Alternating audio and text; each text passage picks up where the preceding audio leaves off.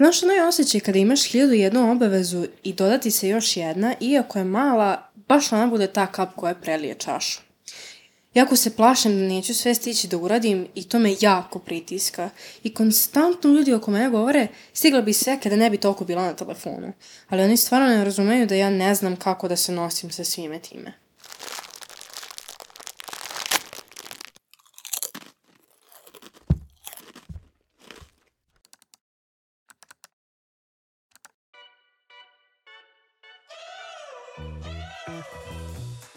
Dobrodošli u još jednu epizodu podcasta Umologija. Ovde zajedno učimo više o sebi i o nezi mentalnog zdravlja.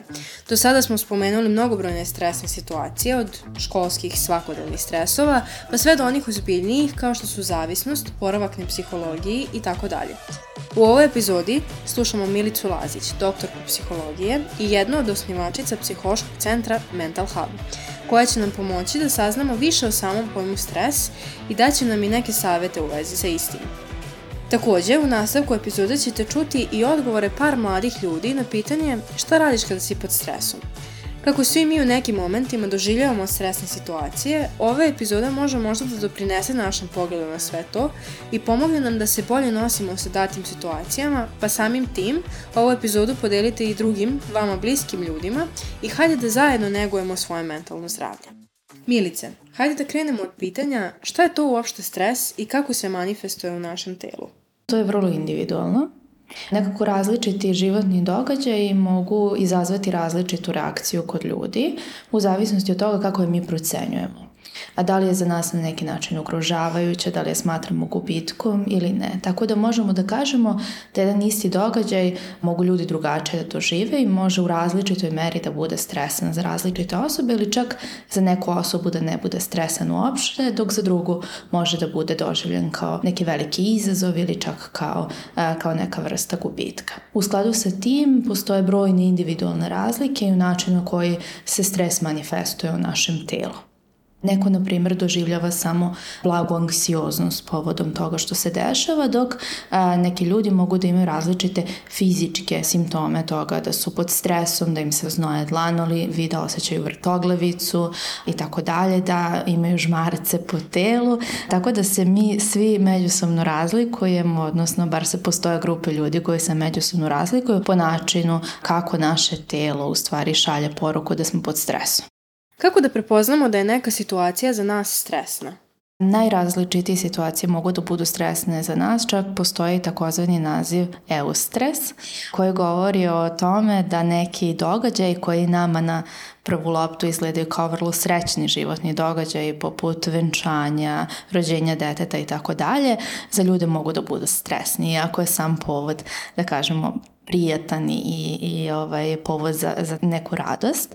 Tako da najrazličitiji životni događaj mogu za nas da budu stresni kako od eh, onoga što nam se dešava u školi do onoga što nam se dešava u međuljudskim relacijama, tokom ispunjavanja nekih životnih zadataka ili nekih ciljeva koje smo sami sebi postavili, pa do nekih zaista velikih životnih događaja kao što su gubitak voljene osobe ili preseljenje u drugi grad eh, ili, na primer, saobraćajna nezgoda i tako dalje. Znači razlikujemo veliki dijapazon onoga što, što može nama da bude izazovno i u zavisnosti od uzrasta u kom se nalazimo i u zavisnosti od kapaciteta koje imamo, a i u zavisnosti od vrste i intenziteta tih stresora sa kojima se suočavamo.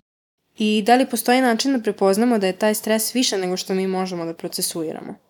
Jer svi se susrećemo sa stresom. Zapravo me interesuje da li se nekada desi neki događaj preko kojeg možda i pređemo kao a desilo se idem dalje, a zapravo je to bilo stresno za nas. Milica objašnjava da ćemo se tokom života susresti sa različitim stresorima koje ćemo prepoznati kao da je nešto u čemu nismo imali prethodno iskustvo ili kao nešto što u ovom trenutku prevazilazi naše kapacitete. Negde istraživanja pokazuju da svako od nas barem jednom u životu dožive neko veliko životno iskustvo, odnosno neki veliki životni događaj koji značajno prevazilazi naše kapacitete. I to je potpuno u redu i potpuno je normalno da u stvari u nekim trenucima primetimo da je nešto za nas u tom trenutku previše. Zato što u stvari suočavanje sa stresom jedan proces koji traje i potpuno je u redu i normalno da ne je potrebno vremena da sa nekim životnim događajima izađemo na kraj. Naravno nije svako stresno stanje alarm, za to da vam je potrebna podrška ili, ili neka pomoć. I sa većinom stresnih iskustava mi izlazimo na kraj sami svakodnevno, međutim potpuno je u redu i da primetimo kada nam neki duži period da smo pod stresom i da u stvari koristimo neke neadekvatne mehanizme kako taj stres da prevladamo, odnosno kako da se suočimo sa tim stresom. I onda u takvim trenucima je skroz ok da se zapitamo da li su naše strategije dobre i da li je moguće da nam je potrebna pomoć u tome da savladamo neke bolje strategije.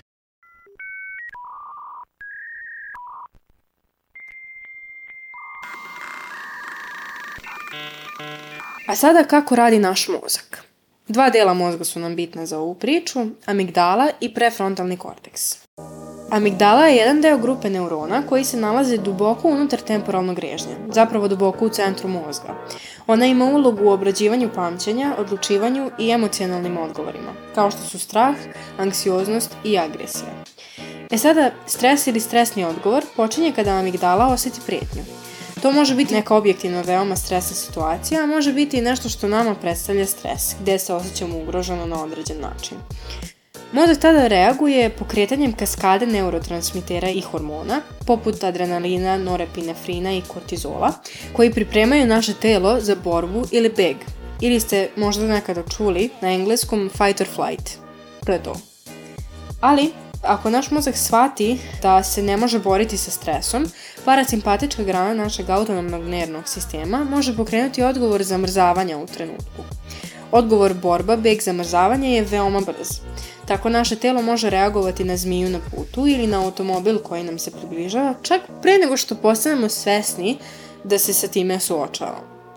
Odgovor borba, beg ili zamrzavanje je zapravo dobar jer nam pomaže da preživimo neposrednu opasnost, ali je i problematičan kada su u pitanju složeniji međuljudski ili hronični stresori. Kada amigdala natera naš mozak da odreaguje u trenutku, može doći do toga da se mi zamrznemo, pa kasnije u stvari odreagujemo. To izgleda tako što ćemo poslati besnu poruku, biti besni i posvađati se sa nekim nama bliskim, roditeljima, prijateljima, kolegama, partnerima. A sada uvodimo u priču prefrontalni korteks. Prefrontalni korteks ili prednji korteks je moždana kora koja prekriva prednji deo frontalnog režnja. Nalazi se iza čela. Ova regija mozga je uključena u izvršne funkcije, poput planiranja, donošenja odluka, kratkoročnog pamćenja, izražavanja ličnosti, moderiranja društva ponašanja i kontrole određenih aspekata govora i jezika. Prefrontalni korteks je nešto kao glavni direktor našeg mozga i razvija se još i kada napunimo 20 godina. Smešten blizu vrha našeg mozga, on prima informacije o izvoru stresa sporije nego amigdala. A upravo nam on pomaže u rešavanju situacije sa amigdalom, jer može da pošalje poruku amigdali da je sve bezbedno i da može da isključi mod borba beg zamrzavanja. Takođe može da šalje poruke drugim delovima mozga kako bi usmerio pažljiv i efikasan odgovor na stres. Kako ga možemo aktivirati kada je već amigdala poslala signal za borbu, beg ili zamrzavanje? Tako što ćemo sami sebe izvežbati da u tim trenucima počnemo da razmišljamo. To može da bude pitanje da li sam sada životno ugrožen i šta mi je potrebno ili šta želim, ili, ako ste već nekada čuli, 5, 4, 3, 2, 1. Nabrojim pet stvari koje vidim, četiri stvari koje mogu da čujem, tri stvari koje mogu da dodirnem i dve stvari koje mogu da pomirišem i jedna šta osjećam. I u skladu sa time postupamo dalje. Na taj način počinjemo da mislimo, aktiviramo prednji korteks i ne reagujemo instinktivno, već promišljeno. Ovo su, na primjer, i taktike koje je naša urednica naučila na psihoterapiji i koje vežba.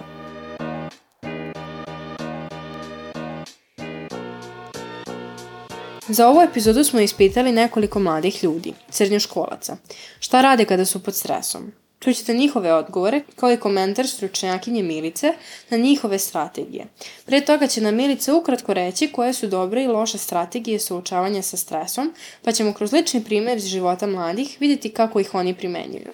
Što se tiče strategije sa stresom, ja bih rekla da su loše samo one koje dugoročno su destruktivne, da tako kažem a da u stvari postoje različite strategije koje u različitom trenutku mogu da nam pomognu. Možemo, na primjer, da kažemo da potiskivanje nije neka dugoročno najadaptivnija strategija prevladavanja ili negiranje da se nešto desilo, ali u stvari u nekim kratkoročnim periodima može da nam pomogne i ukoliko to nije neki stil kako mi prevladavamo stres, nego je u stvari naš mehanizam kako prevladavamo neku konkretno za nas izazovnu situaciju, to i ne mora da bude samo po sebi loše. Tako da bih ja rekla da su loše samo one strategije zbog kojih u stvari ćemo dugoročno da trpimo posledice. Naprimjer, konzumiranje alkohola, ukoliko to nije samo evo pred ovaj ispit ispit da se malo ovaj, smirim, već je to neka strategija koja se dugoročno koristi u različitim stresnim situacijama i ukoliko to vodi do neke zloupotrebe alkohola u budućnosti, to je loša strategija. Iako u nekom konkretnom kontekstu može biti dobra i efikasna u tom smislu da se smirimo ili da izgledamo relaksiranije i tako dalje. Tako da bih ja to tako nazvala. Sve što vam pomaže i sve što ima potencijal dugoročno da vam pomaže i neka fleksibilnost fleksibilnost u strategijama, u zavisnosti od samog stresnog iskustva, možda su najbolji način kako da se suočavamo sa stresom. U nekim okolnostima je moguće da budemo usmereni na rešavanje problema, u nekim okolnostima to nije moguće. Kao što u nekim okolnostima je dobro da se bavimo emocijama, a u nekim okolnostima jednostavno nemamo vremena za to i moći ćemo to tek kasnije. Tako da što veća fleksibilnost u načinu koji se suočavamo sa stresom, pritom biranje strategije koje nisu destruktivne, po nas jeste dobar način kako dugoročno da očuvamo naše mentalno zdravlje. Hvala ti Milice, a sada da čujemo mlade. Slušamo Aleksu, Umu, Andrija i Ivu. Generalno kad sam pod stresom, moje rešenje jeste da nekako pasivno ga se rešim u smislu da ne radim ništa aktivno kako bi se rešio stresa, primer da odem u šetnju ili radim nešto korisno, što bi mi krenulo misli, nego odlučim za varijantu da bi radije otišao da legnem da spavam ili samo preležao ostatak dana. Ili, ne znam, otišao na kafu da popijem i pročitao nešto na telefonu, da neku knjigu, neki časopis, nešto. To bi manje, mislim, manje više bilo tako. A sada sledi Milica. Kako je ona čula Aleksin odgovor i šta je uvidela u njemu? Pa zvuči kao da je hteo da nam kaže da u stvari ne voli baš da se bavi stresom, a odnosno da mu je lakše da legne da spava i da u stvari ne razmišlja o tome što mu se desilo. I to je neka strategija koja je dosta česta ona u nekim okolnostima može da bude dobra i da zaista pomogne, naročito kod onih stresnih okolnosti koje se same reše od sebe. Međutim, u nekim stresnim okolnostima je potrebno da budemo aktivni. Primer, neke stvari se zaista ne reše same od sebe. Ono što je dobro, što čak i kada mi imamo utisak da mi ništa ne radimo u kontekstu stresa, ipak nešto radimo, odnosno ipak se nešto dešava, ipak mi o tome na neki način razmišljamo i tako dalje. Tako da iako on govori o tome da mu je najlakše da legne, da spava, da se distancira, vrlo verovatno radi i neke druge stvari kako bi izašao na kraj sa stresom, samo ovo deluje kao neki prirodan način da se zaštiti i da pobegne od toga. I nismo mi nikada isključivo na jedan način bavimo stresom Evo, on je rekao, volim da legnem, da spavam, da ne zaboravim, ali onda volim i da pročitam neku knjigu pa da napravim neku distrakciju i tako dalje. I verovatno radi neke druge stvari kako bi izašao na kraj sa tim osjećanjem. Kad sam pod stresom, uglavnom pokušam da odradim sve stvari koje su mi teret, ali često se desi da samo zapustim te stvari, zaboravim na njih i onda pokušam da se opustim, ali uvek nekako budu tu pa onda moram da ih se rešim na neki način. Ali šta najviše radim, to da odem aktivno, tipa da se prošetam ili radim nešto što čiju čije mogu da se opustim, gledam film, čitam knjigu, pospremim sobu kad sam pod stresom jer je to najveći stres u mom životu, moja soba. I uglavnom da, pokušam što više da, da zapravo uradim nešto što će da skine taj teret sa mene, jer je stres su zapravo obaveze koje se natrpavaju. Da. I pričam sa ljudima bliskim, porodicom i prijateljima. Dobro, ovde smo čuli razno razne strategije prevladavanja i čini mi se da je to ona fleksibilnost o kojoj se govorila. Sa jedne strane, traženje socijalne podrške kao jedan veoma, veoma važan resurs kako se izlazi na kraj sa stresom, a zatim usmerenost na rešavanje problema, onda neka vrsta distrakcije, relaksacije i tako dalje, pa čak u nekim momentima je govorila i o tome da voli da ne misli o tome, odnosno da se distancira od takvog vrsta iskustva. I to je verovatno sve zajedno pomaže da izađe na karaj sa tim stresnim okolnostima gde ona prepoznaje verovatno svoje potrebe da problem i reši, ali i da se od njega odmori, a, ali i za to da potraži pomoć. Tako da je to sve nešto što su vrlo česti odgovori i vrlo dobri odgovori kako se nositi sa, sa stresnim iskustvima. Čuli smo Umu, a sada sledi Andrej. Uh, kad sam pod stresom, radim više kao kombinaciju nekih stvari. Broj jedan da bi se smirio uz nešto bez zalogajem, ali u nekom opšte smislu da bi se pustio od stresa ili slušam neku dobru muziku ili sam napravim nešto što mi se sviđa ili pogledam neku dobru seriju ili film, dokumentarac neki. Da, dobro, čini mi se da je ovde reč o nekoj kombinaciji relaksacije i distrakcije što vidimo na primjer u ova dva momka koje su, koje su pričala za emisiju. Oni su očigledno pronašli način kako da ovaj, sebi olakšaju neki proces kroz koji prolaze tako što su primetili da im je potrebno da od njega naprave pauzu i da nekako omoguće sebi zadovoljenje nekih potreba, da se smire, da se osjećaju prijatno i tako dalje i čini mi se da, da im dobro ide. Ja sam vrlo često pod stresom i takođe ne mogu baš da se pohvalim sa bilo kakvim zdravim mehanizmom. U suštini šta najčešće radim jeste da pozovem nekoga od svojih bliskih prijatelja ili članova porodice i pričam ili o tome oko čega sam istresirana, mislim najviše o tome, ali ponekad i o nekim drugim temama pokušam da skrenem misli sa stvari koje su me istresirale. Međutim, neretko se dešava da odem na žurku, popijem dosta, popušim jako puno cigara i tako dalje, zato što imam problem sa količinom stresa koju osjećam većinu vremena i nekako najteže mi je da zapravo uzmem i da se isimam oko toga što zapravo prouzrokuje taj stres. Tako da to se redko dešava i moji mehanizmi su definitivno kriminalni, ali ne znam šta bih uradila povodom toga trenutno. Tako da... Upravo smo čuli Ivu, a hajde da vidimo šta nam psihoterapeutkinja Milica može reći iz primera. Ovo je bilo jako iskreno i žao mi je što ima taj doželjaj prepolavljenosti kresom. Sa jedne strane vidim da je našla dobar način kako se u stvari, kako malo da se oslobodi tog doželjaja kroz razgovore sa porodicom, prijateljima, za što sam i rekla da je jedna od najboljih strategija regulacije emocije, uopšte suočavanje sa stresom. Međutim, ovaj drugi deo koji se tiče nekog uzimanja alkohola i tako dalje, u nekim situacijama verovatno jednostavno olakšava sam taj neki doživljaj da smo pod stresom, međutim dugoročno nije strategija koja je usmerena na to ili da proradimo samo osjećanje koje imamo ili na to da rešimo problem. Tako da to dugoročno može da bude ne toliko dobar mehanizam suočavanja sa stresom. Milica nam posle ovoga dodaje da su najbolji načini suočavanja sa stresom uvek stvar pojedinca i da nešto što bi u njoj u stresnim situacijama prijalo i bilo najefikasnije možda neće biti za vas koji ovo slušate. Dodaje i da samim tim u ovakvim situacijama treba da pođemo od samih sebe, od naših prethodnih iskustava i da se zapitamo u kojoj meri je neka akcija ili način rešavanja problema trenutno nama adekvatan i što nam je to u prošlosti bilo efikasno. Dakle, ne postoji neki konkretan recept za suočavanje sa stresnim situacijama.